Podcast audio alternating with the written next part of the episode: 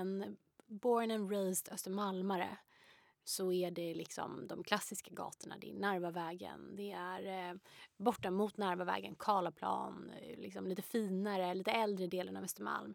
Träffar du en inflytten östermalmare som kanske är från en annan stadsdel, då är det ju jättefräckt att bo på Sturegatan och Engelbrektsgatan och Karlavägen, sådana adresser som folk har hört tidigare.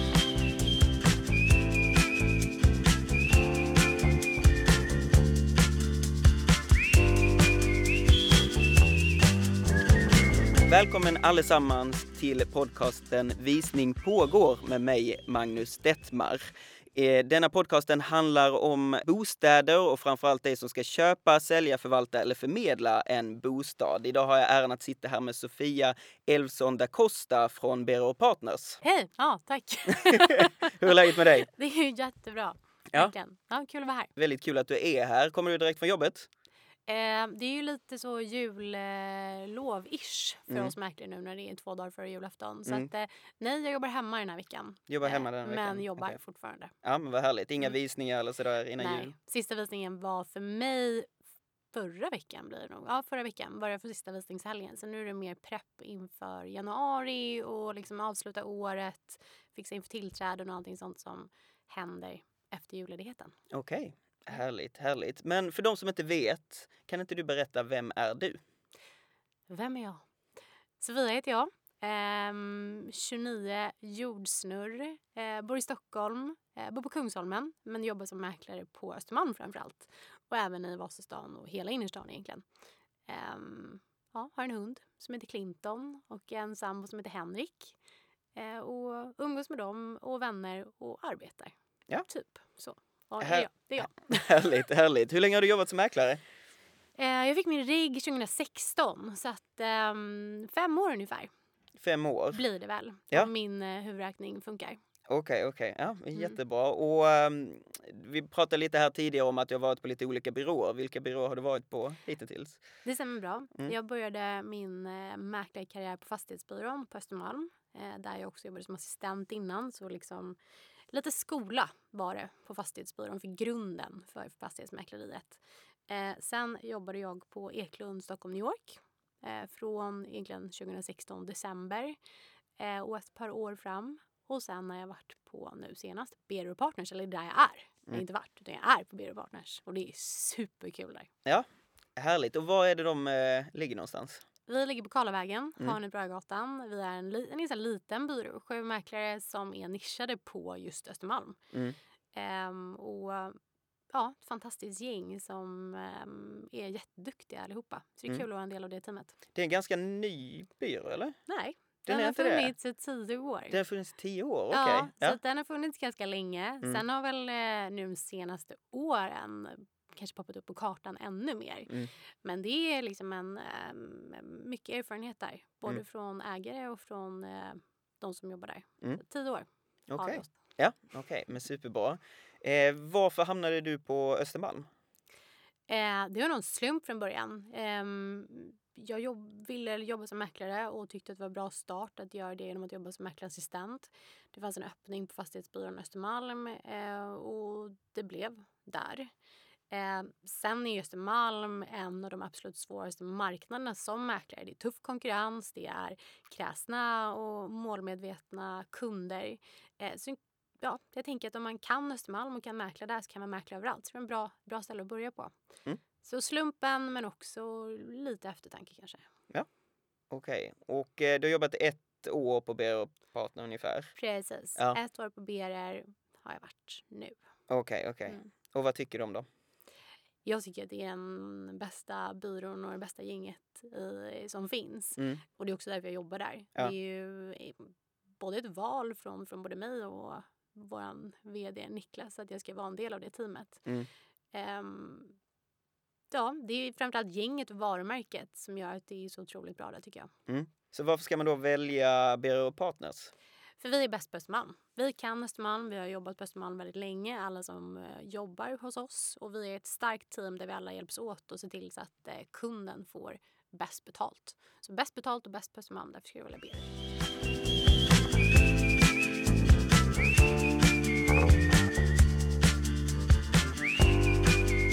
vad tycker du karaktäriserar en bra mäklare? En genuin mäklare, tycker jag. Um, en som bryr sig om din bostadsaffär och vill ditt bästa. Inte bara se till sitt eget vinnande eh, och bara tjäna pengar på dig helt enkelt. Eh, någon som, som har erfarenhet, vet hur de ska hantera olika situationer. Men sen också är såklart en duktig säljare. För det är det det kommer till kritan ska vi sälja lägenheter. Men det gäller att göra det genuint. Eh, inte liksom bara mm. så. Ja, jättebra. Och hur får då en bra mäklare nöjda kunder? En bra mäklare får nöjda kunder genom att göra ett bra jobb och leverera höga slutpriser. Mm. Eh, I grund och botten så vill alla ha bra betalt. Men att göra det på ett bra sätt längs vägen. Och jag försöker alltid se till att anpassa mina försäljningar utefter den kunden som jag har hand om. Jag är en ganska glad och sprallig person så att jag får oftast in affärer där säljarna är ganska glada och spralliga och vi får en mer av en kompisrelation. Mm. Men en seriös kompisrelation. Um, så att um, göra det glatt, roligt och um, se till att få bra betalt så får man nöjda kunder. Ja. Och hur blir man då en långsiktigt bra mäklare? Att se yrket långsiktigt. Jag tror att väldigt många mäklare, nyexaminerade men även sådana som jobbat länge, ser liksom budgetar väldigt mycket. Nu ska jag omsätta så här mycket den här månaden. Nu ska jag liksom affär, affär, affär, affär. Jag tror det är väldigt viktigt att man ser, ser på det över längre tid. Um, det mötet du går på imorgon behöver inte ge avkastning direkt. Det kan vara avkastning om två år. Men att behandla alla kunder är lika viktiga och ge allt i varje affär um, så får du ju kunder längre fram. Men Mm. att vara långsiktig i sitt tänk är väldigt viktigt tror jag. Ja. Och, men när man ändå, jag förstår absolut vad du menar, men mäklare, vi tjänar ju pengar när vi väl säljer. Mm. Och när man då är på ett intagsmöte, man vill ju då egentligen att kunden ska sälja så snabbt som möjligt för man vill tjäna Absolut. de pengarna och så vidare. Eh, men ibland kan man ju hamna i en svacka som Mm. mäklare, att man kanske inte får tag på någon som vill sälja eller marknaden är dåligt eller Mm. sådär. Hur tar du ur det, ur det ur en svacka? Det där kommer nog med både kanske ålder, erfarenhet av yrket och liksom trygghet i sig själv. Jag vet att om jag hamnar i en svacka så vet jag att jag kommer ur den. Jag blir inte längre så pass stressad av att det går kanske ett par veckor och man har ingen affär och det känns som att man förlorar alla intag och alla hamnar ju där hela tiden. Men då bara ta ett steg tillbaka och tänka på den här äh, fantastiska månaden som man hade innan. Eller vilket trevligt bemötande du hade från en kund på en visning för någon dag sedan. Eh, så att inte försöka grotta ner sig för mycket i det. Och eh, det jobbar man ju med hela tiden som mäklare. Bara jobba på. Eh, Men också tillåta sig själv att ha en liten svacka. Det är okej. Det är okej att man inte presterar på topp hela, hela, hela tiden. Eller du kan inte få in alla affärer. Oavsett hur duktig du är som mäklare så kan inte du sälja alla lägenheter som... Du har inte 100% hitrate även om du har jobbat i tio år och är liksom det hetaste namnet i vilken stadsdel du än jobbar i. Liksom. Så ge det lite tid, andas och ha mindsetet att det kommer tillbaka. För det gör det alltid. Men Ja. ta det lugnt. Jag tror att det är nog en bra generell motto som mäklare. Ta det lite lugnt. Mm. Eh, både när det kommer till liksom, jaga kunder, pusha dem inte för mycket, ta det lugnt. Mm. Jaga pengar, ta det lugnt. Det Ja. kommer. Alltså, bara generellt sett, ta det lite lugnt. Tror Ja. jag. Det är viktigt. Om du skulle ge en nyexad mäklare som har liksom noll försäljningar, vad skulle du ge dem för, för tips för att starta igång sin karriär? Um, gör precis som jag gjorde i början. Fråga de som kan. Um, skaffa en mentor. Det kan vara en kontorschef på ett eh, på liksom en, något, vad heter det? ett mäkleri. Det kan vara en franchisetagare på ett mäkleri. Det kan vara en eh, duktigaste mäklaren på eh, ett mäkleri som du ser upp till. Ta kontakt med någon som du är imponerad av och fråga hur de har gjort. Eh, och sen gå med på möten. Gå med de andra. Troligtvis så jobbar du på ett mäkleri även om du är helt ny. Så gå med på möten. Gå med, gå med, gå med. Lyssna, lyssna, lyssna. Och sen bara fake it till you make it. Mm. Jättebra. Eh, jag hade gärna kunnat prata hur länge som helst om bara själva mäklardelen, men vi måste rulla vidare till då stadsdelen Östermalm.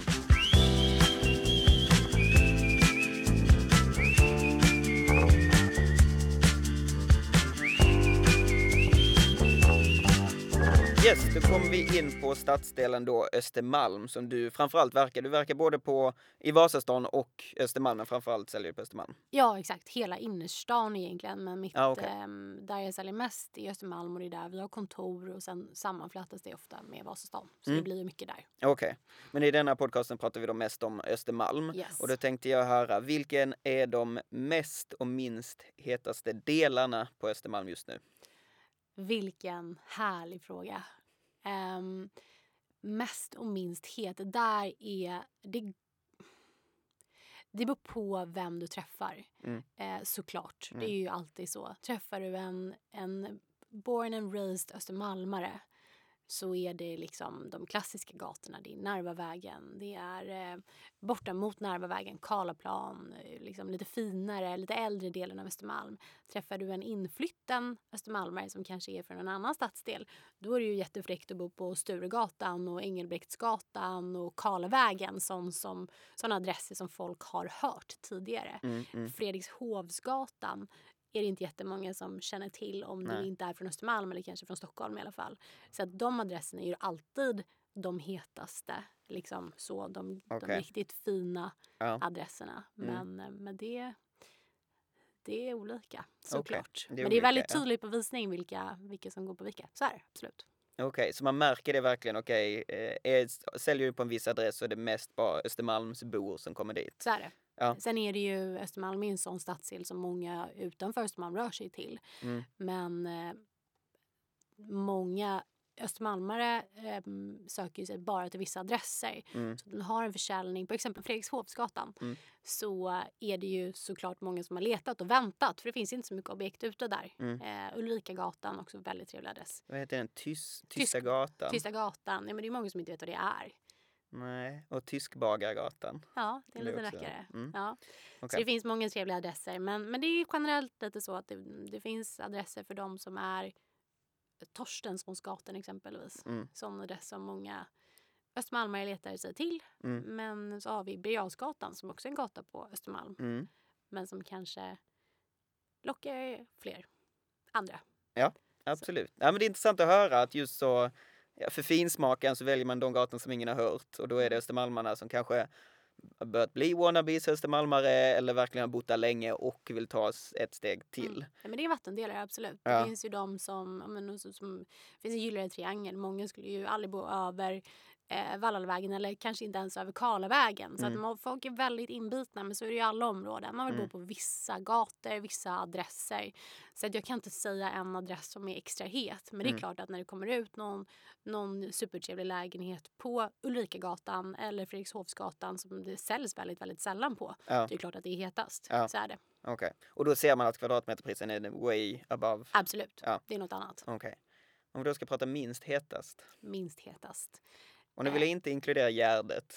Nej, Gärdet är ju inte Östermalm. Nej, finsmakare. ja. Ja. Ehm, minst hetast på Östermalm. Har du någon gata som du bara, ah men där är svårt. Nu vill inte jag säga så ifall det är någon som ringer till mig och vill sälja sin lägenhet där. Nej men Så alltså minst det, vadå?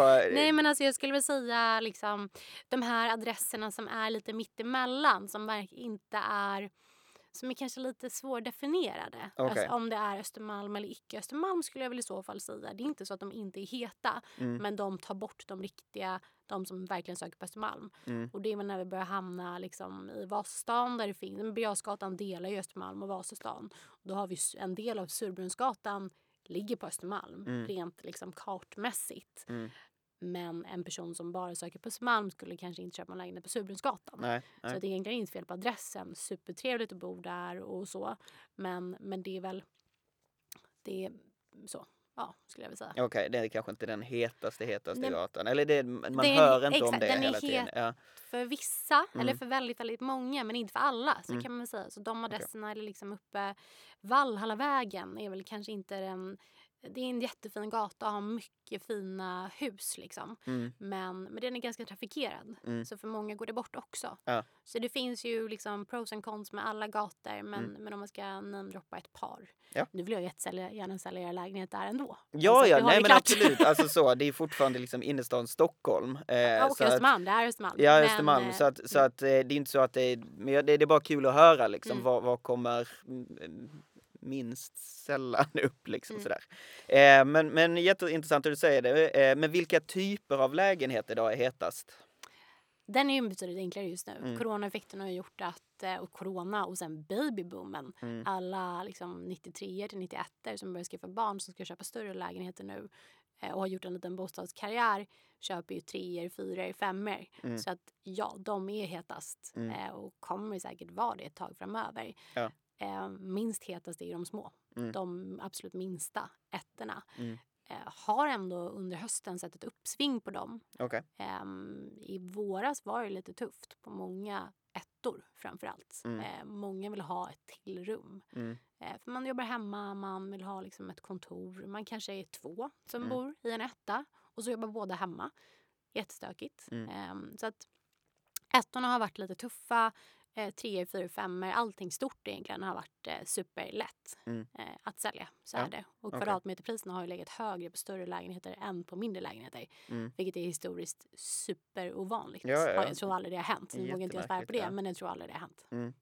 Och typ av lägenheter, då är det också uh, sekelskifte lägenheterna som är de. Alltid sekelskifteslägenheter som är de absolut mest attraktiva. Mm. Eller liksom, vi är ju inne i en trend av att alla vill ha jättemycket stuckatur och man vill ha vägglister och man Mm. vill ha bröstpaneler och man vill ha liksom en en, ett, gammalt slott i sin lägenhet typ. Eh, sin så det är klart att de är exakt i sin etta på Gärdet. Ja, ja, ja.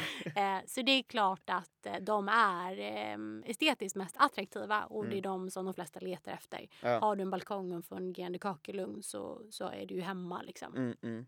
Men eh, och bor du i ett 80-talshus som kanske inte är lika charmigt som en sekelskiftslägenhet så nej, det, det är inte samma det är inte samma tryck. Mm. Eh, men då gäller det att lyfta upp fördelarna på dem. Det Mm. finns ju i varje byggnadsår har ju sina fördelar och det gäller att trycka på det och framförallt inte sätta in stuck i någonting som inte ska ha det. Ja, Jag tänkte fråga Please. det. Jag vill höra om de här skräckexemplen. Ehm, Har du sett några där det är liksom funkislägenhet som har typ, typ gjort om till ett slott? Liksom? eh, det händer absolut. Ja. Men det är bara gör inte det. Nej. Embrace den, år, liksom den um, Embracea den, det årtiondet som din lägenhet är ifrån och gör det. allting har... Liksom, har- bor du i en funkislägenhet så att inte in stuckatur. Mm. Gör det bara inte. Okej. Ehm, Mm. Please. Mm. Och sätt inte upp liksom massa, men, ja, det räcker så kanske. Ja, absolut. Mm. Eh, och minst hetast?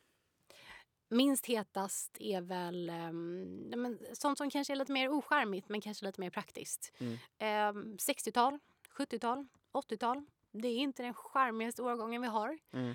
Ehm, raka linjer, inte lika högt i tak. Speciellt nu när väldigt många vill ha sekelskifte och den här härliga rymden som ofta är.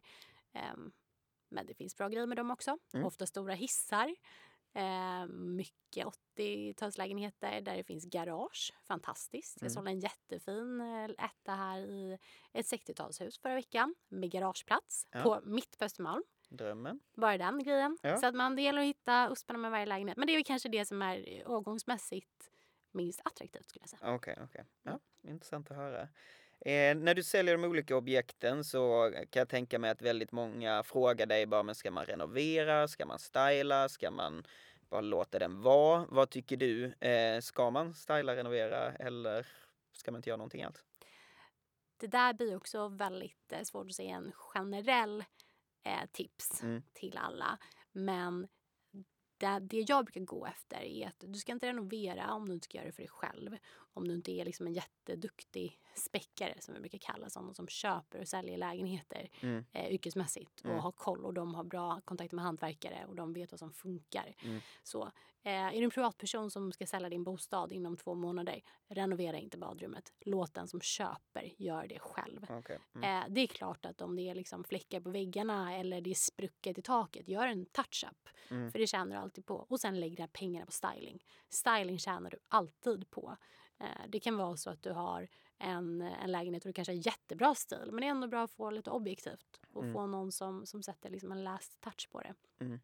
Det blir alltid bra när man stylar, så är det. Okej. Och eh, de får mer klick, de lägenheterna Det är som är så? stylade, 100 procent. Mm. Och de är lättare, så är det. Ehm, så, ja. Okej, ja men jättebra. Eh, och man har ju också märkt just under coronatiden att väldigt många vill renovera sin lägenhet, man vill styla upp den och man vill fixa till den liksom så den är helt, helt perfekt för man är hemma väldigt, väldigt mycket. Mm. Eh, ser du att renoveringsobjekt går snabbare eller långsammare än, än superstylade lägenheter? Renoveringsobjekt går alltid starkt. Mm. Ehm, det är ju svårt att göra ett klipp på ett renoveringsobjekt för de, de drar ju till. Så får du skriva det renoveringsobjekt i liksom första delen av texten på Hemnet, ja, men då är det många som ringer. För många vill ju skapa sin bostadsdröm, absolut. Mm. Ehm, sen är det klart att köper du ett renoveringsobjekt ska du räkna med kostnaden för renoveringen. Så det är klart att det blir en prisskillnad från en helt färdig lägenhet. Mm. Men den helt färdiga lägenheten ska ju också stämma överens med din smak. Mm. Så det finns ju för och nackdelar där med. Ehm, Okej. Men renoveringsobjekt är ju superpopulära. Det går jättebra. Ja. Och de har ju alltid varit det. Så det är ju egentligen ingen skillnad från bara coronaeffekt utan Vilka attribut ser du mest trendiga i eh, Östermalmslägenheterna just nu? eh, skulle säga att de flesta sätter ju upp vägglister nu.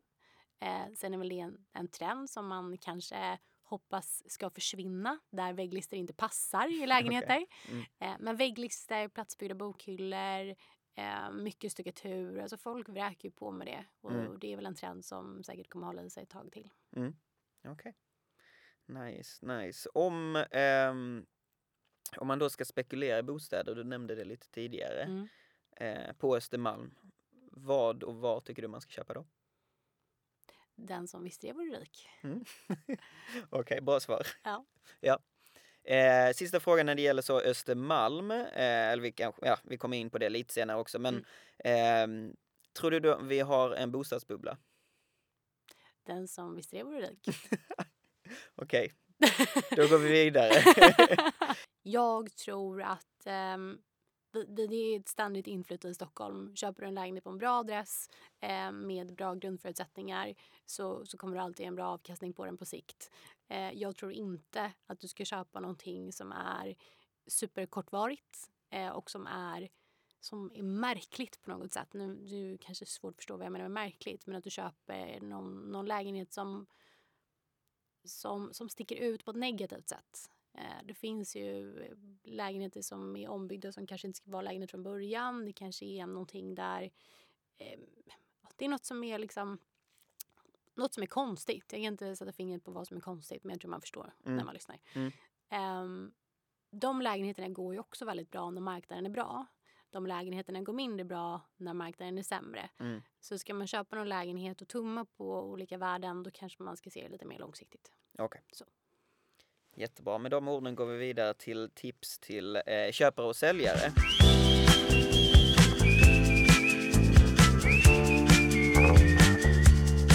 Vad hör du mest från köpare när du säljer lägenhet på Östermalm?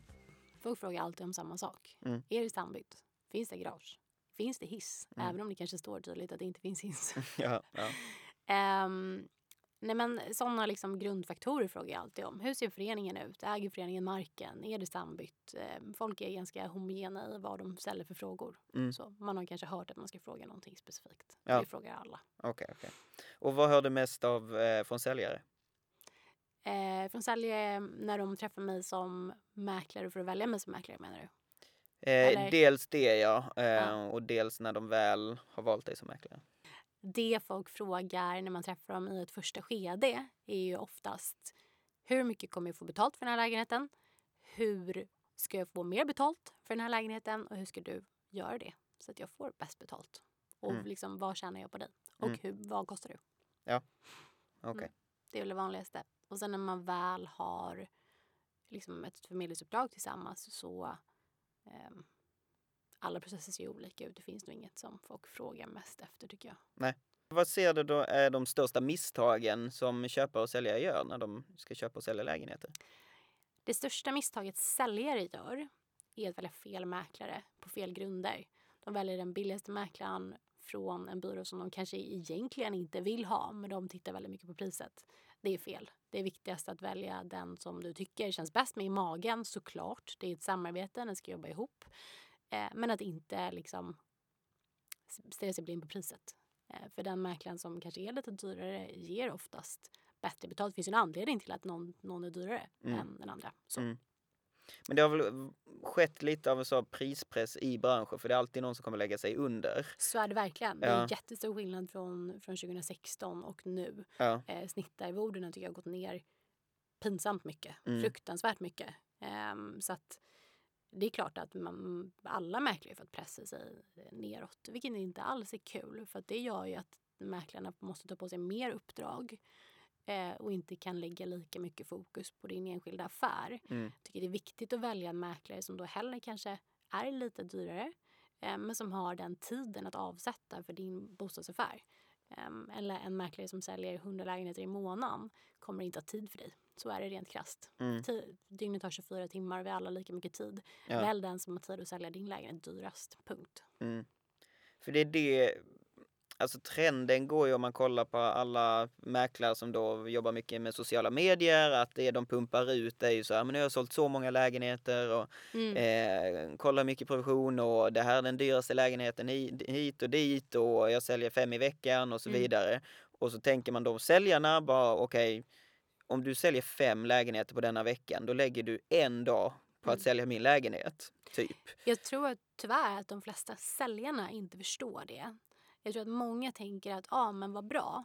Jag, jag väljer den som det ser ut som säljer som jobbar dygnet runt och som säljer tio lägenheter i veckan. Mm. Det är klart att hon har mycket köpare till mig eller hon eller han har Exakt. mycket köpare till mig. Ja. Det är inte riktigt där det ligger. Vi alla mäklare, det är klart att en, en byrå som är väletablerad på en marknad som vi på Bero Partners på Östermalm, vi har mycket kunder eh, som flödar i vårt system hela tiden. Mm. Vi alla säljer mycket men vi tar inte heller på oss mer uppdrag än vad vi kan hantera. Mm. Jag skulle aldrig ta på mig en affär eh, där jag inte känner att jag kan lägga ner 100% fokus. Mm. För, för dig som säljare är det din största affär i livet. För mig som mäklare, det jag gör många affärer Mm. varje månad och varje vecka. Absolut. Men, men för dig som säljare är det här bland det största du gör i livet. Så att välj en mäklare som har tid med dig. Välj inte den som, som skryter om att den jobbar mest Mm. och som skryter om att den säljer mest. För det är kanske inte alltid helt sant. Nej, nej, absolut. Har du något sånt? Ja, men jag tar inte fler uppdrag än tre i veckan eller ett i veckan eller två i veckan. Eh, Jag vill inte ha mer än tre visningar på en helg. Mm. Eh, för det har jag haft och det hinner man inte, Mm. tycker jag personligen. Ehm, för att har du tre visningar på en söndag eh, så har du minst liksom, ja, 70 pers att ringa. Det tar väldigt mycket tid på måndagen. Eh, och det är bara min egna personliga eh, så min gräns. Det finns de mäklarna som kan hantera och och är jätteduktiga på att jobba mycket, mycket mer än så. Men det är för att jag vill vara den bästa mäklaren jag kan vara i varje affär. Och för mig är den gränsen tre per helg. Okej. Så. Yes. Superbra. Eh, och just nu i, i denna marknaden som är ganska svår för det ligger väldigt få lägenheter ute Mm. eh, och så är det ju kring nyår oftast.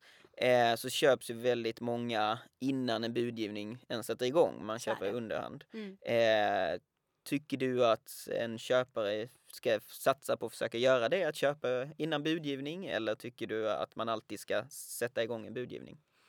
Ehm, jag tycker att man framförallt ska försöka hitta sitt drömhem.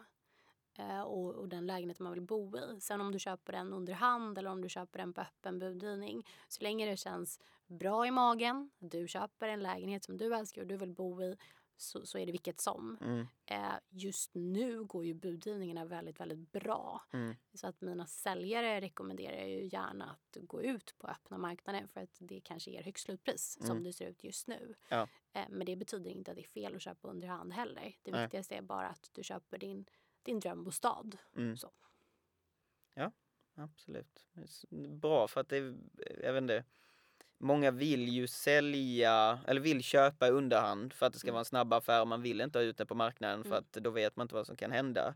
Det är klart att det är läskigare för dig som köpare alltså mm. att uh, vara med i en budgivning. Jag och min kille köpte lägenhet i somras. Det är bland det värsta jag gjort i hela mitt liv. vi, vi har, hade en lägenhet sedan tidigare och liksom har letat jättelänge i det området vi bor för en större lägenhet. Och jag fick sån förståelse för alla eh, alla mina kunder mm. efter det. För mm. min första lägenhet köpte jag under hand och det var ju smidigt. Man förhandlar lite med, med säljaren och det känns lite mycket och det känns inte jättebra men sen så blir det bra i alla fall. Mm, mm, mm. men nu var vi med i en budgivning, jag tror det var sex budgivare. Jag kunde inte sova på tre dagar, jag kunde inte mm. äta på tre dagar. Jag mådde skit, helt ärligt. Eh, så att det är kanske skönare att köpa under hand men det betyder inte att det är rätt eller fel. Nej, bara det där att som köpare, om du köper underhand så vet du aldrig vad mark eh, liksom, marknaden värderar den till. Nej, så är det. Och det bara, men har man lagt 200 eh, 000 eller en halv miljon över?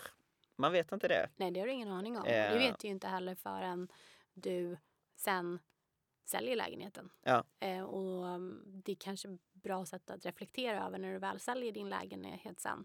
Hur var det när jag köpte den? Mm. Köpte jag den under hand? Var det bara jag som, som var på visningen? Då förhandlade jag med mig själv. Då är det svårt att liksom sätta det i perspektiv till att ja, att marknaden har gått upp 10 mm.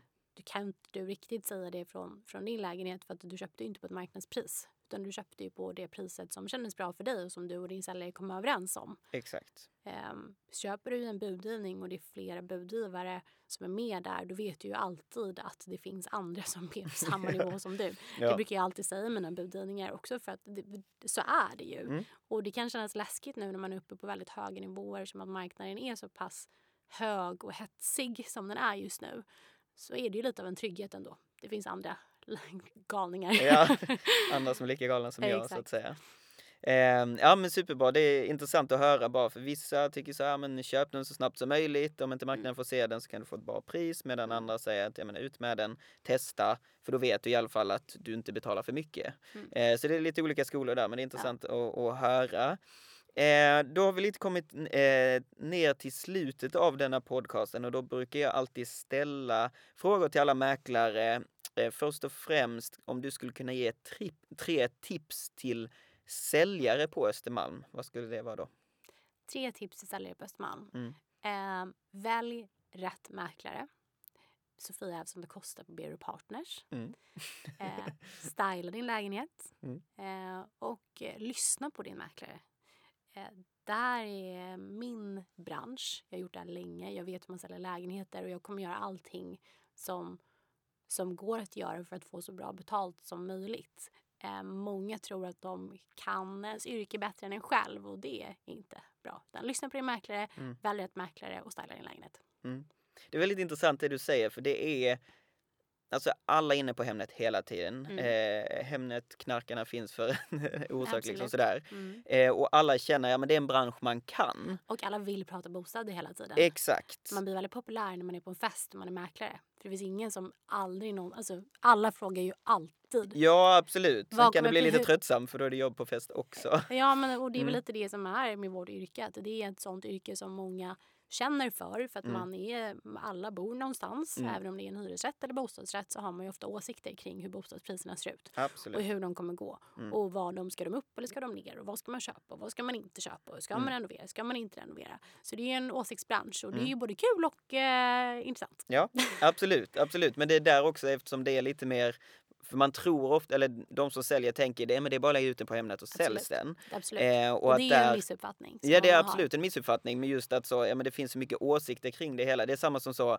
eh, komiker. Ja, man kan mm. kritisera en komiker för att ja, det var ett dåligt skämt eller var mm. tråkigt skämt. Men du vet ju inte hur det är att själv vara komiker. Det är ungefär Nej. samma grej. Absolut. Så därför är mitt tips som sagt, lyssna på din mäklare. För att även mm. om, om du kanske tror att du vet hur det är att sälja en lägenhet och att det är bara att slänga ut den och vi som mäklare står som någon typ av ordermottagare och står i dörren och öppnar dörren. Ja. Så ligger det väldigt mycket juridik, planering, optimering och marknadsföring bakom.